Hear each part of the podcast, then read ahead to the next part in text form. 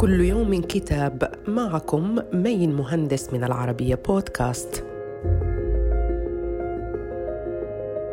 كتابنا اليوم إشكاليات ورؤى نقدية في قصص الأطفال للناقدة والأكاديمية الأردنية الدكتورة رزان إبراهيم يتناول الكتاب بالنقد والتحليل عددا كبيرا من قصص الأطفال التي تخضعها الباحثة لاشتراطات أسلوبية ومرجعيات نفسية تربوية. ينقسم الكتاب إلى سبعة فصول توزعت على موضوعات متنوعة منها موضوع المادة التراثية وكيفية استثمارها لصالح الطفل بطريقة جذابة وممتعة.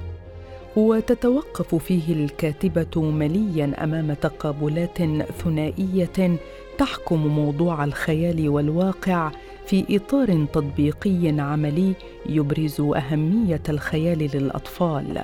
كما خصصت حيزا خاصا تناولت فيه موضوعات قصصية متنوعة تمس الطفل في حياته اليومية كالتنمر والتمييز العنصري والحرية والإعاقة. صدر الكتاب عن دار الأهلية للنشر والتوزيع. وإلى اللقاء مع كتاب جديد.